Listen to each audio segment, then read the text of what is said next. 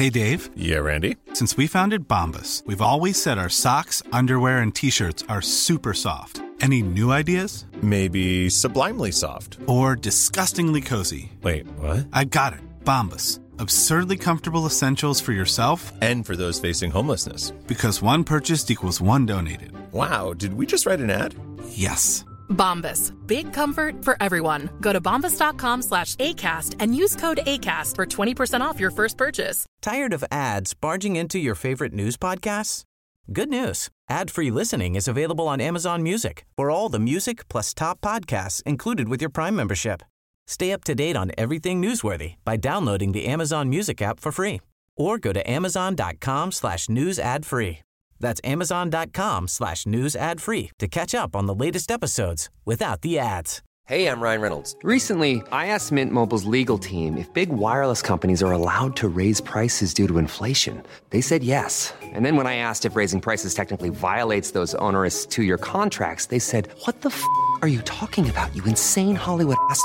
F- So to recap, we're cutting the price of Mint Unlimited from $30 a month to just $15 a month. Give it a try at mintmobile.com slash switch. $45 upfront for three months plus taxes and fees. Promo rate for new customers for limited time. Unlimited more than 40 gigabytes per month. Slows. Full terms at mintmobile.com. Da husker jeg den første flippen jeg gjorde. Da maksa jeg kredittkortet mitt og brukte det som, som depositum for å kjøpe da det første huset.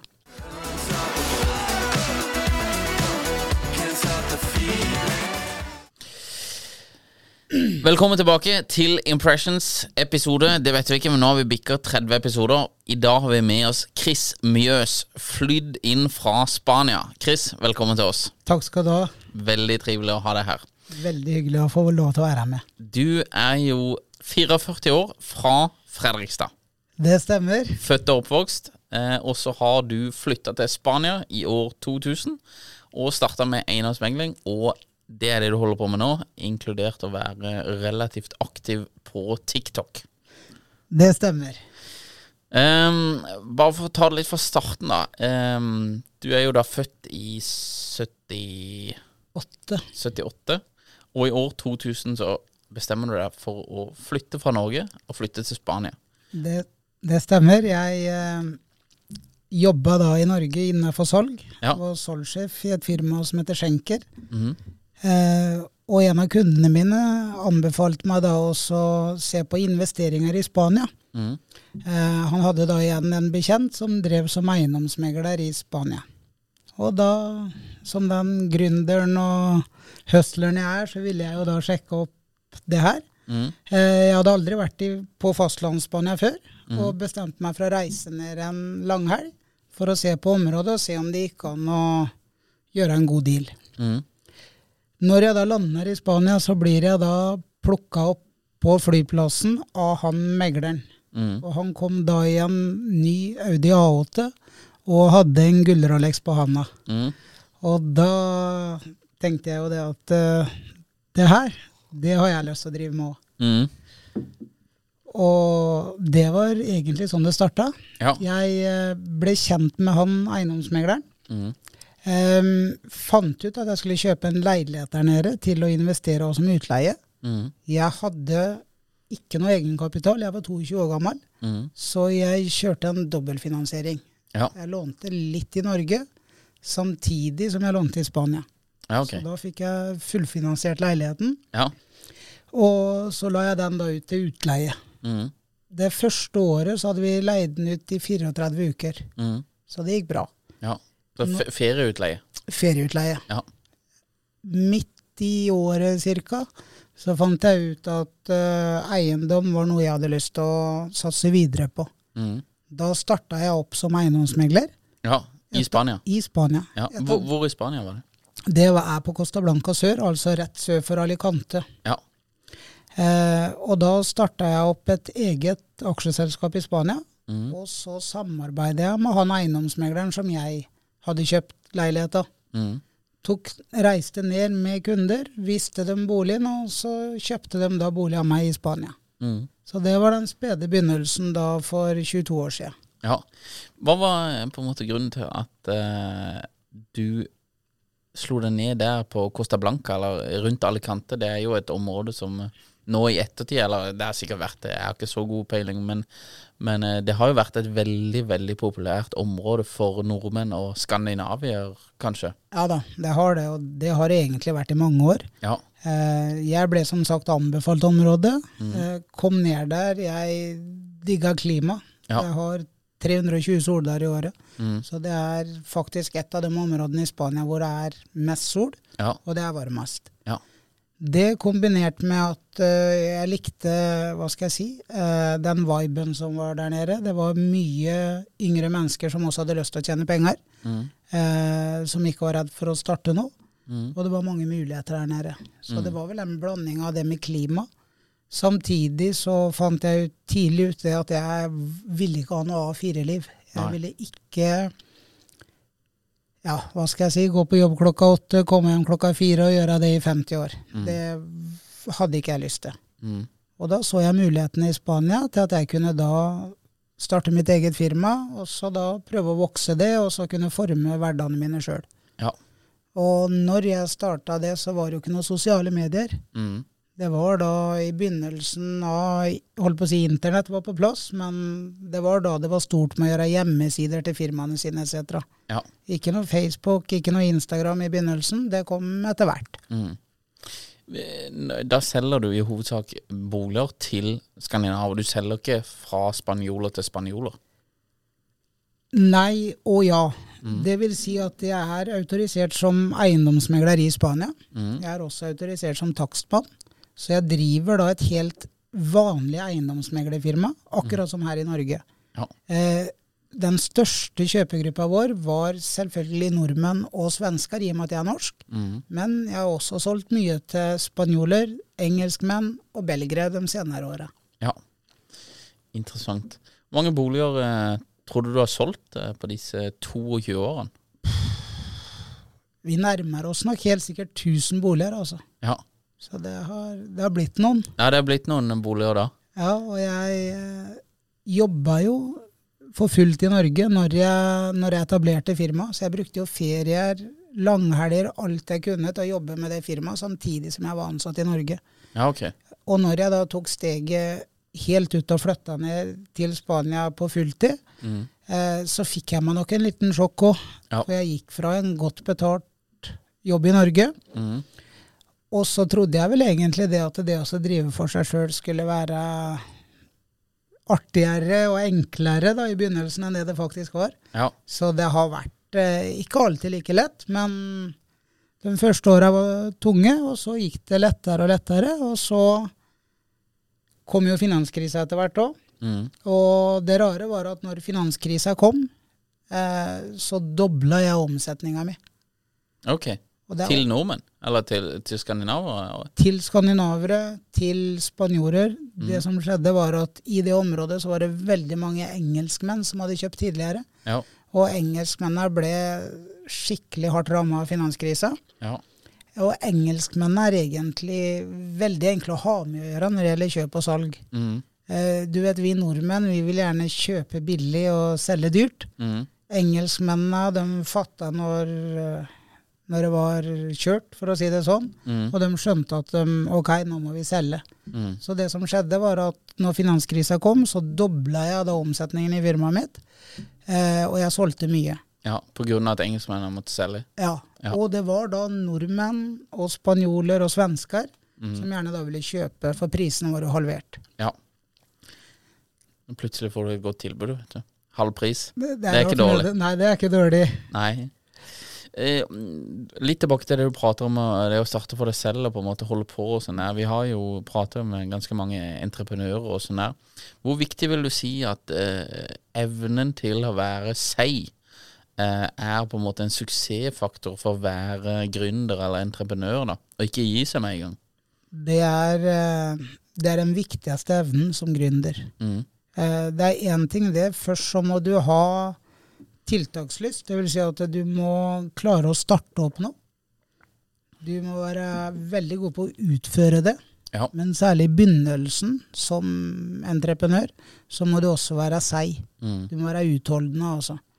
Og jeg tror da at eh, de som får suksess, de har også feila mange ganger. Mm. Jeg har gjort feil, ja, mange ganger, men veldig ofte så har jeg ikke gitt meg. Så har jeg prøvd på nytt, på en litt annen måte. Og jeg har pusha og jeg har pusha, og til slutt så har det, har det funka. Mm. Så det tror jeg er superviktig, altså. Ja. Hvem er, hvem er enklest eller verst å selge til i Skandinavia? Av eh, nordmenn, svensker og dansker? Den eh, verste å selge til, den vanskeligste, er jo danskene. Danskene? Ja da. Ja. Eh, De er verre enn til og med svenskene. Er det det, ja? Danskene er sykt gniende. ja, ja, de er gniende. Ja. Og så har du svenskene. De er veldig opptatt av detaljer. Ja. Veldig. Eh, også ikke så ille lett å ha med å gjøre, men jeg har solgt veldig mye til svensker, for vi nordmenn vi kommer stort sett veldig godt overens med, med svensker. Mm. Du kjører en svenskevits, og så er, så er du på, på gang, for å si det sånn. ja. ja. Og, og så har jo nordmenn, selvfølgelig. Nordmenn fikk jeg veldig mye gratis i begynnelsen av, ved at jeg fikk my veldig mye henvendelser. Mm. Eh, for når du starter på noe på nytt, så må du jo få tak i kjøpere. Mm. Og da begynte jeg rett og slett med familie og venner. Mhm. Eh, påse jeg påså at jeg ga dem en veldig, veldig god deal Mhm. for å få i gang firmaet og komme i gang og, og selge, da. Og Ja. det, det funka, funka for meg, i hvert fall. Mm. Ehm, du holdt jo på med megling, eller holder jo på, holder på å megle selv enda? Nei. Nei. Det vil si, eh, eiendomsmeglerfirmaet mitt går for fullt, Ja. men jeg har da ansatt egne meglere som da gjør visningene. Mm. Jeg er fortsatt eieren og den daglige lederen av kontoret, men jeg gjør ikke visninger sjøl. Du har jo beveget deg mer over til eiendomsinvesteringer og sånn. Eh, hva, hva, hva syns du er interessant med det? Og investerer du eh, noe i Norge, eller er det mest der nede i Spania også? Hovedsakelig investerer jeg i Spania, Ja. og hovedsakelig da i eiendom. Mm. Det her begynte så smått når eh, finanskrisa slo til for fullt. Mm. Da ble prisene, som jeg nevnte tidligere, halvert, og det dukka da opp mange muligheter hvor du kunne også få kjøpt bolig billig. Mhm. Da husker jeg den første flippen jeg gjorde. Da maksa jeg kredittkortet mitt og brukte det som, som depositum for å kjøpe da det første huset. Ja, ok. Og da klarte jeg i løpet av to-tre måneder å få snudd den boligen rundt og solgt den til noen andre. Mm. Så da flippa jeg den, og hadde da fått igjennom den første flippen min. Da, så det var, det var morsomt. Ja. Og det ga mersmak, for når du da kjøper og selger noe, så kan du også gjøre en høyere profit enn om du bare er en vanlig eiendomsmegler. Mm. Så det, det begynte da smått eh, mot det private markedet. Ja. Men etter hvert så fikk jeg veldig gode kontakter i bankvesenet. Mm. Og har kjøpt veldig, veldig mange boliger av banker, ja. som jeg da har flippa. Og da er det folk som ikke eh, klarer å holde de, eller hvor kommer de boligene fra? Ja, det er jo da i utgangspunktet tvangssalg. Ja. Så jeg har gjort på to måter. I noen tilfeller så har jeg kjøpt lånet, altså kreditten av banken. Mm. Og så har jeg gjort ferdig den juridiske delen av tvangssalget sjøl. Mm. Ettersom vi driver i et feriemarked, litt tilnærma et hyttemarked i Norge, mm.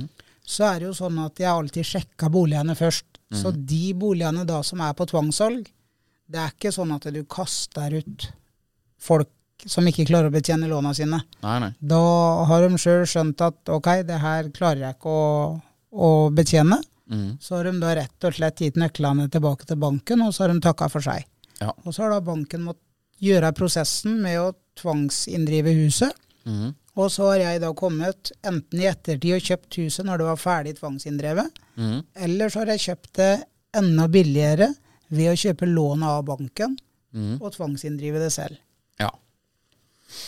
Da kan du jo sikkert gjøre eh, mange gode deals eh, Ja, på det. det har vi gjort. Jeg har vel gjort fra 25% avkastning til fire-fem-gangeren har jeg Ja. gjort.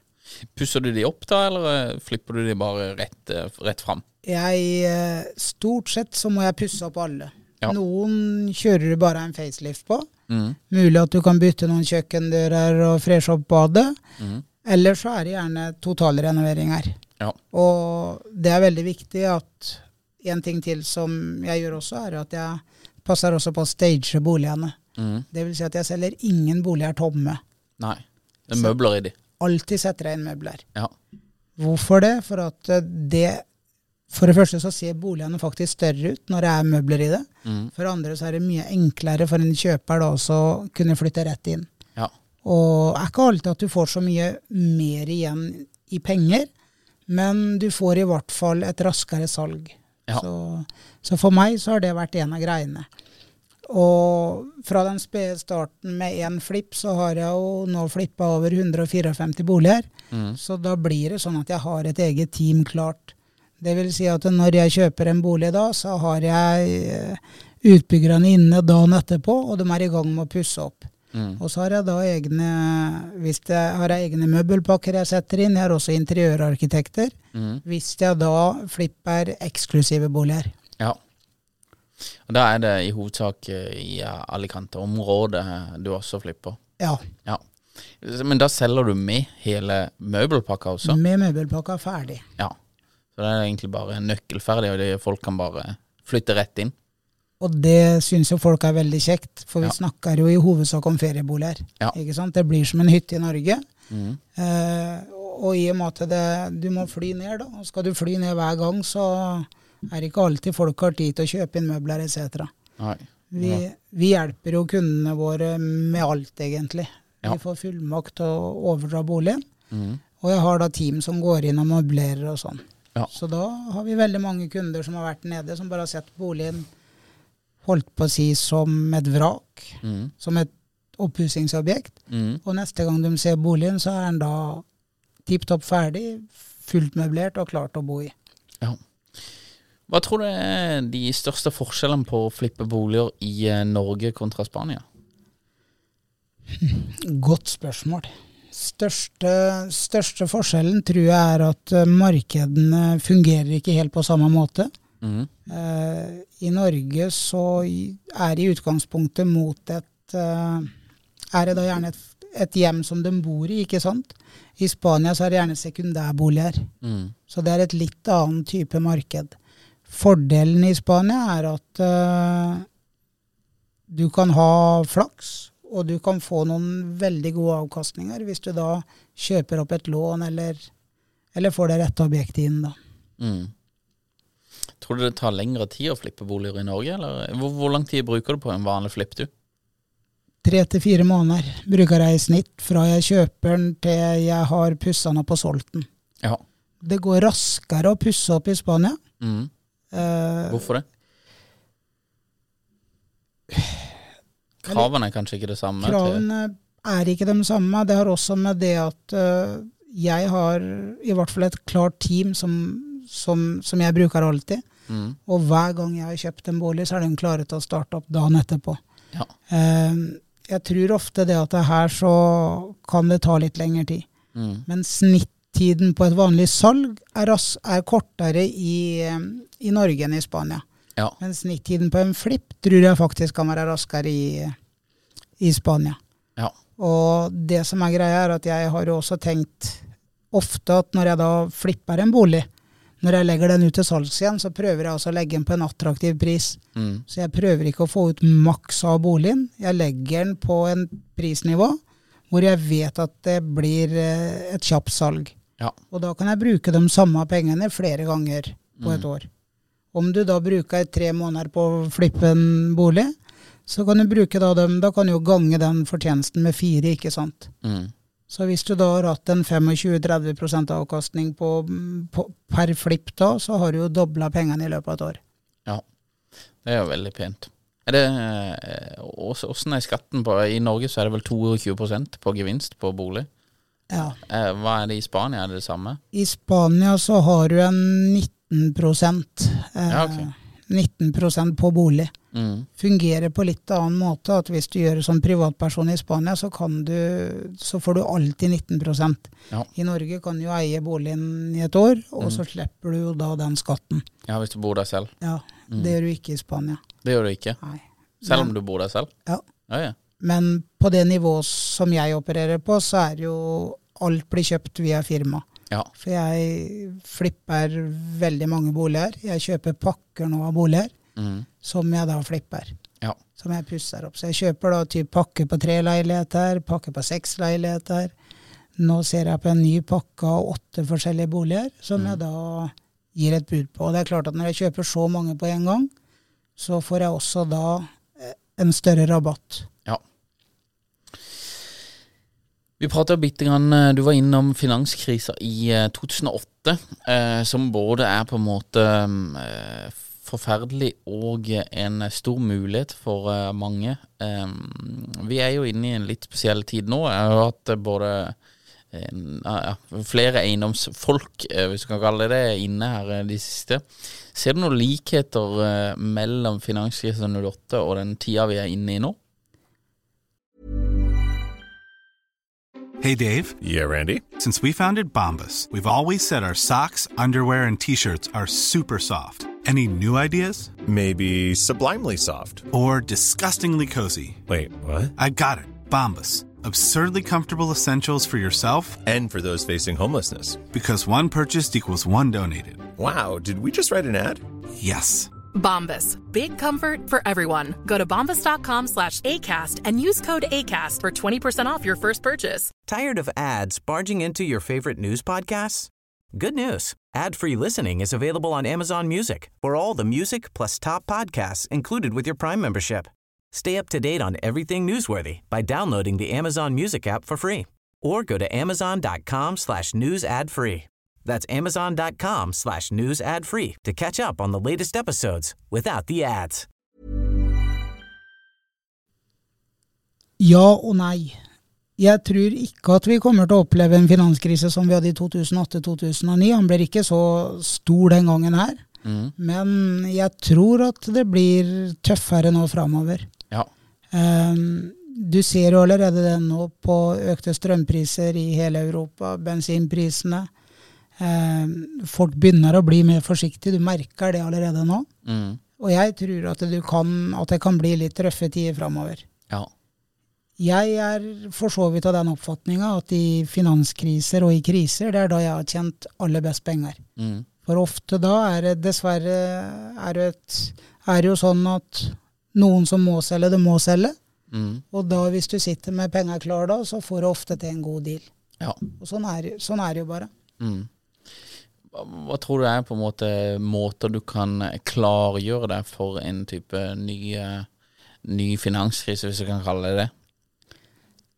Tenker du da på hvordan jeg kan klargjøre meg, eller hvordan folk generelt kan klargjøre seg, eller forberede seg på en finanskrise? Ja, folk generelt, liksom. Hvordan Du sier at du kom ut av finanskrisa 2008 eh, med en dobling kanskje av eh, både salg og kanskje net worth også. Hvordan posisjonerer man seg eh, som en vanlig fyr, da, eh, for å på en måte eh, vinne så mye som mulig på en, en type krise? Spare opp de pengene du har. Mm. Om du ikke har penger sjøl, prøv å finne en partner, finn noen som sitter på kapital. Mm. Prøv å slå deg sammen med dem, og sitt på gjerdet og se, rett og slett analyser markedet, hva som skjer. Mm. Følg med på Finn. Se hvordan boligprisene går. Det er jo sånn her i Norge at uh, det er jo et holdt på å si et langt og stort Det er jo store områder. Uh, Oslo-markedet kan jo ikke sammenlignes med Fredrikstad, der jeg er fra. Nei. Fra andre byer hvor kanskje du får en mye lavere Eller en større nedgang, da. Mm. Jeg tror at Oslo-markedet her er, eh, er spesielt, så jeg tror ikke at du får de helt store nedgangene her. Nei. Men jeg tror at i mange steder i Norge så, så ser du allerede nå at det bruker lengre tid. At omløpshastigheten på boligene er, høy, er rett og slett lavere. Ja. ja, vi ser jo det at eh, takta går, eh, går ned på salg eh, i Norge nå. Tror du at eh, du noen ganger kan se en 50% rabatt på ferieboliger i Spania igjen? Det høres jo helt sinnssykt ut. Ja, jeg tror ikke at vi får en like stor nedgang på ny. Nei. Det, det som er forskjellen på det spanske markedet og det som gjerne vi nordmenn glemmer, er jo det at i Spania så har vi Jeg har jo flere kjøpegrupper. Ja. Det vil si at du har det svenske markedet, det engelske, det belgiske, det franske, det spanske. Eh, ta f.eks. det russiske markedet nå. I og med at eh, ingen russere får jo nå kjøpe i Spania. Mm. Alle bankkontoene er frosna, og de har da tatt veien og reist videre til Dubai. Mm.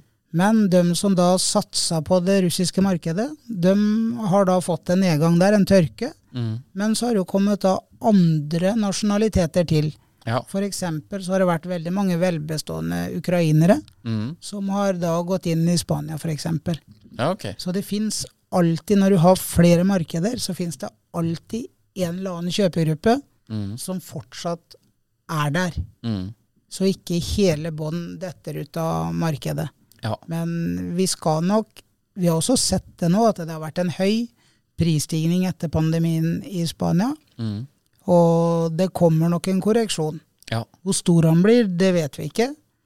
Men vi får se over jul og nyttår åssen våren blir. Ja. Men det er om å gjøre når en går mot en krise, og har litt cash i bakhånd. Ja. Være klar. Um, TikTok. Uh, du har jo uh, vært aktiv på TikTok en god stund. Prater jo om eiendom uh, og flipping og det du holder på med. Og du har jo dratt på deg en eh, 77 000 følgere. Hvorfor begynte du med TikTok?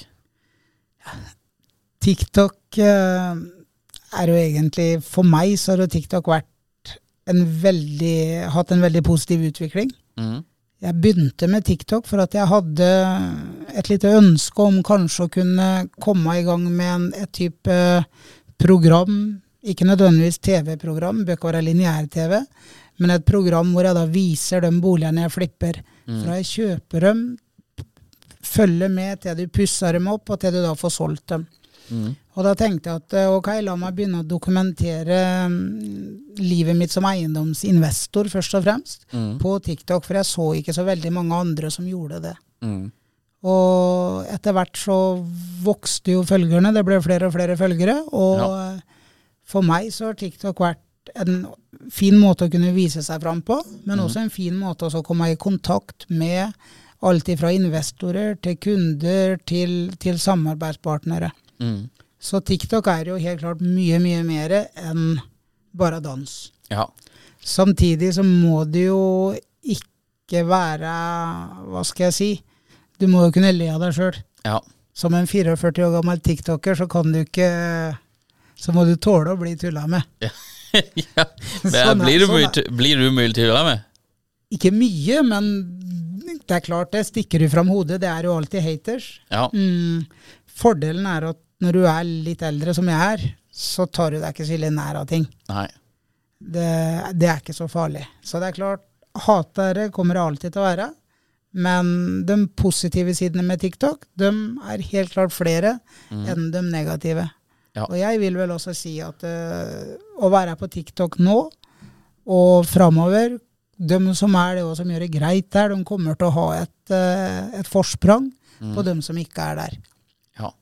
Hva, hva tror du er hva, hva er det verste hatet du har fått eh, på TikTok? Jeg Det har vært eh, Det har vært en del rare kommentarer. Det har det. Det har blitt noen, noen parodier, faktisk òg. Ja.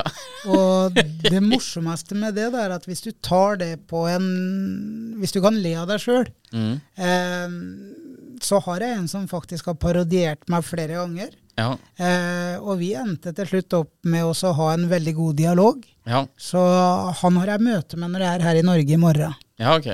Har du møtt ham før? Nei, aldri møtt ham før, men vi har snakka på, på telefon etter at det ble noen, eh, noen parodier på TikTok. Ja. Og eh, vi fant tonen, vi. Altså, så det, en må tåle å kunne le av seg sjøl. Det er viktig skal du være på TikTok. Ja. Ikke ta seg sjøl så veldig alvorlig. Tillegg så har jeg jo også en dialekt som er lett å bli tulla med, for å si det sånn. Jeg snakker jo, har en bred Fredrikstad-dialekt. ja, for den har, du, den har du tatt med deg. Tenk deg det, 22 år i Spania og fortsatt beholdt den samme dialekta. Det er ikke dårlig. Nei, det er ikke dårlig. Nei, så du får litt kommentarer på det. Du, ja, for du er jo litt brei. Ja. Jeg er litt brei. Jeg kan vel sikkert for noen også framstå som en kjekkas. Syns kanskje folk er. Litt sånn frampå, men egentlig så er jeg ikke det. Egentlig så har TikTok for meg vært en måte, ikke det å skulle sette meg sjøl fram, mm. men å få fram det jeg driver med. Ja. Eh, og det har gitt veldig mye muligheter, altså. Ja. Det har det. Så vært mye morsom, men det har gitt mange gode muligheter. Ja. Hva er det du ser går best på TikTok? Det som går best på TikTok, er enkle videoer du lager sjøl. Mm. Ikke videoer som du lager mye fete tekster av, som du redigerer mye. Gjør det enkelt, det er jo det som er greia på TikTok. Mm. Eh, pluss at de skal ikke være for lange, videoene. Nei. Men det må ha litt innhold. Mm. Det må være noen punchlines, noen fakta som kommer fram. Har du det, så går det bra. Ja. Hva er det du prater om eh, på, i de videoene som har gått mest viralt eh, for deg? Eh, Den ene videoen som gikk viralt, som gikk veldig viral, der snakka vi om husokkupanter i Spania. Ja. Eh, I og med at jeg har flippa veldig mange boliger. Mm. Eh, godt over 150 boliger har jeg flippa. Og hva skjer da? At i noen av de boligene så har det jo vært husokkupanter Ja. som ikke eier boligene. Nei. Som rett og slett har sett at boligene har stått tomme. Mm. Og så har de da benytta seg av det, så har de flytta inn der. Mm. Og så er det da vanskelig å få dem ut. Ja. For de bare flytter inn der og De bor der? bare flytter inn, de tjuvkobler vann og strøm, og så bor de der. Ja. Og så har det jo vært en lov da i Spania som gjør, særlig hvis de har barn eller noe, mm. så er det jo umulig å få kasta dem ut. Så da må du gå i rett, til retten med dem. Så du har fire måter å bli kvitt husok husokkupanter på. Mm. Den første er at du tar dem til retten. Det tar tre-fire måneder, og det koster deg en 30 000-40 000 kroner. Ja. Det andre muligheten du har, er at du benytter deg av et firma som på en lovlig måte klarer å få okkupantene ut av, ut av huset. Mm. Tredje måten som jeg har brukt noen ganger, er at jeg har forhandla med okkupantene. Mm. Jeg har tilbudt dem penger mot å flytte ut. Ja. Veldig enkelt. Hvis jeg har kjøpt en, eller jeg ser at det er en bolig som jeg har lyst til å kjøpe, mm. så vet jeg det bor okkupanter igjen. Da tar jeg det med i beregninga når jeg lager regnestykket. Ja. Så da tilbyr jeg en sum til okkupantene for at de da stikker av. Så Og den siste, det siste alternativet har jo vært at jeg har kasta dem ut sjøl. Ja. Men eh, når du tilbyr de der penger, da er det folk som har flytta inn i en bolig, som da får tilby å bo der i gåseøyne gratis, og blir tilbudt penger for å flytte ut. Ja. Men er, er det ofte vanskeligstilte folk, eh, dette? Ofte så er det folk som ikke har god økonomi, altså. Nei. Eh, de jobber kanskje, men de bør ikke nødvendigvis ha god økonomi. Nei. Eh, nå skal det sies at det er ikke veldig mange hushockeyponter i, mitt, i det området vi arbeider i. Altså. Nei. Det, jeg kan telle på én hånd de gangene jeg har opplevd det på, på 22 år. Ja. Men eh, det var en video som gikk skikkelig viralt, for det syns jo folk var spennende å høre om. Og Mm. så syns vi det var morsomt å se de forskjellige alternativene den kunne ha. Ja. Og det kom jo, på en av videoene så kom det jo veldig mange forslag på andre muligheter å få dem ut på òg. Ja. Så det, det var en av dem som gikk viralt. Ja. Ellers så har det vel vært, vært flere som har gått viralt, som f.eks. hvis jeg dokumenterer når jeg flipper et hus, åssen det ser ut før, åssen det skal se ut etterpå etc. Det har gått bra. Og det, og det rare med TikTok er egentlig at uh, brått så går noe viralt uten at uh, du vet helt hvorfor. Mm. Det òg skjer.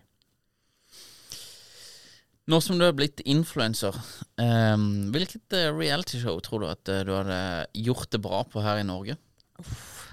Det er vanskelig å si. jeg holder vel en knapp på Farmen. På Farmen? Ja. ja, gjør du det bra uten mat? Eller med lite mat? Med lite mat så gjør jeg det bra. Ja. Jeg er ikke, noe, er ikke storspist, jeg, så det er ikke noe problem. Nei.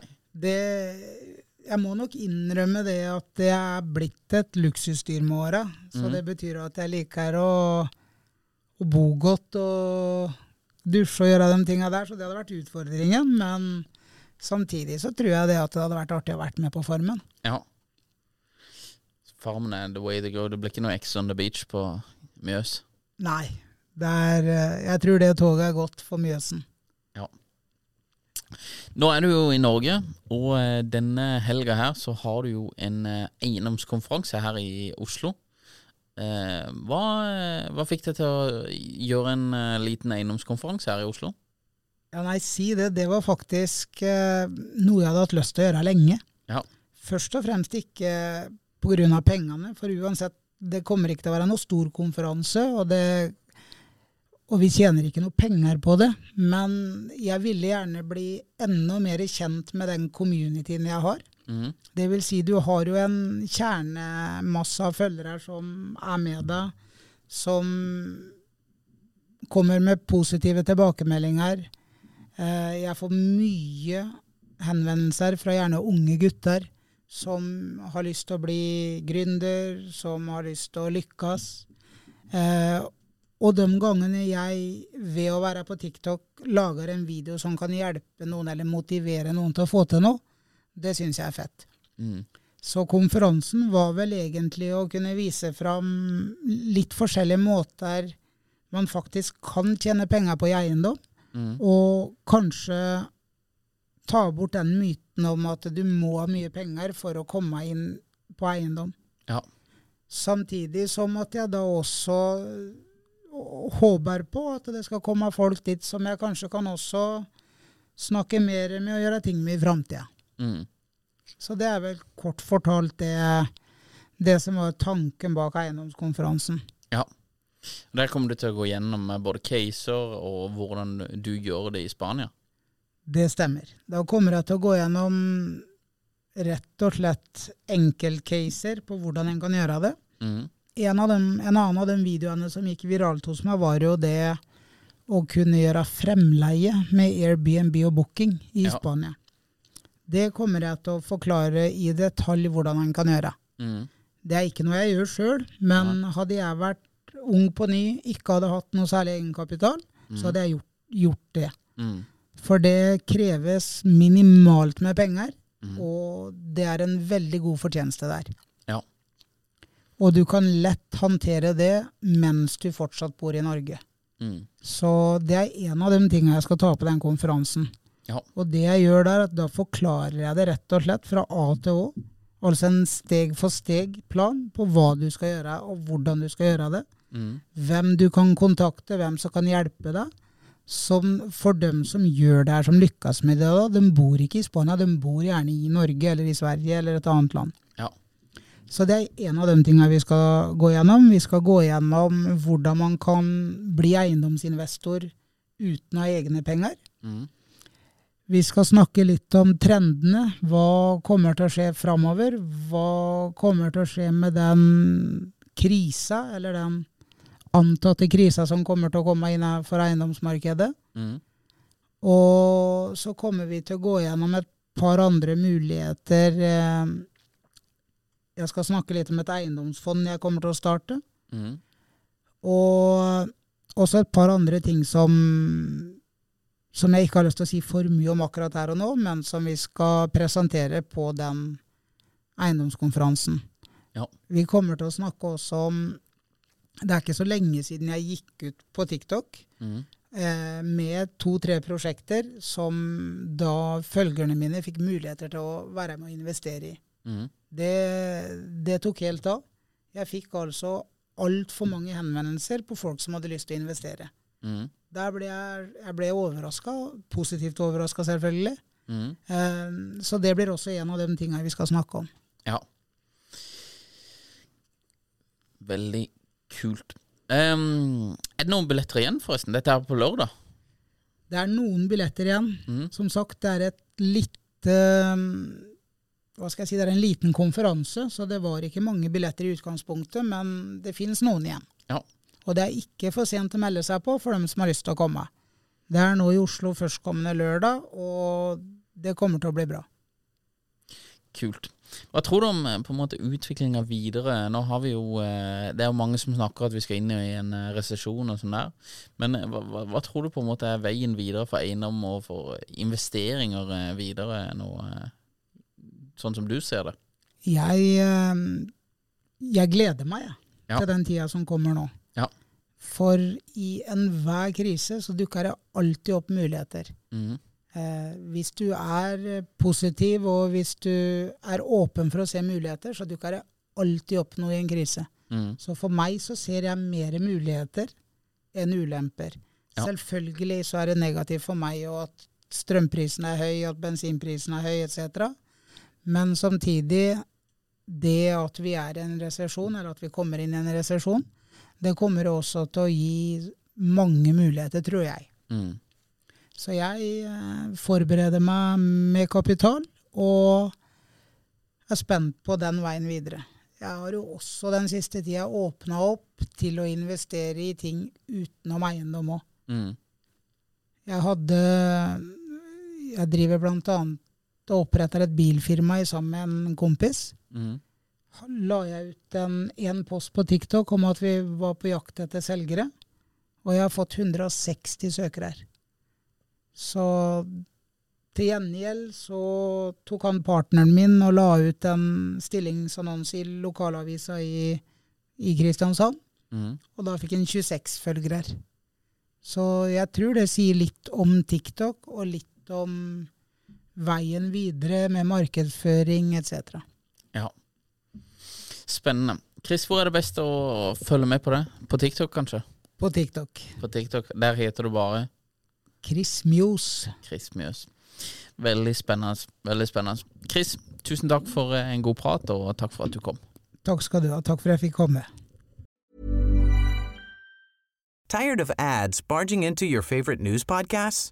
Good news. Ad-free listening is available on Amazon Music for all the music plus top podcasts included with your Prime membership. Stay up to date on everything newsworthy by downloading the Amazon Music app for free or go to amazon.com slash news ad free. That's amazon.com slash news ad free to catch up on the latest episodes without the ads.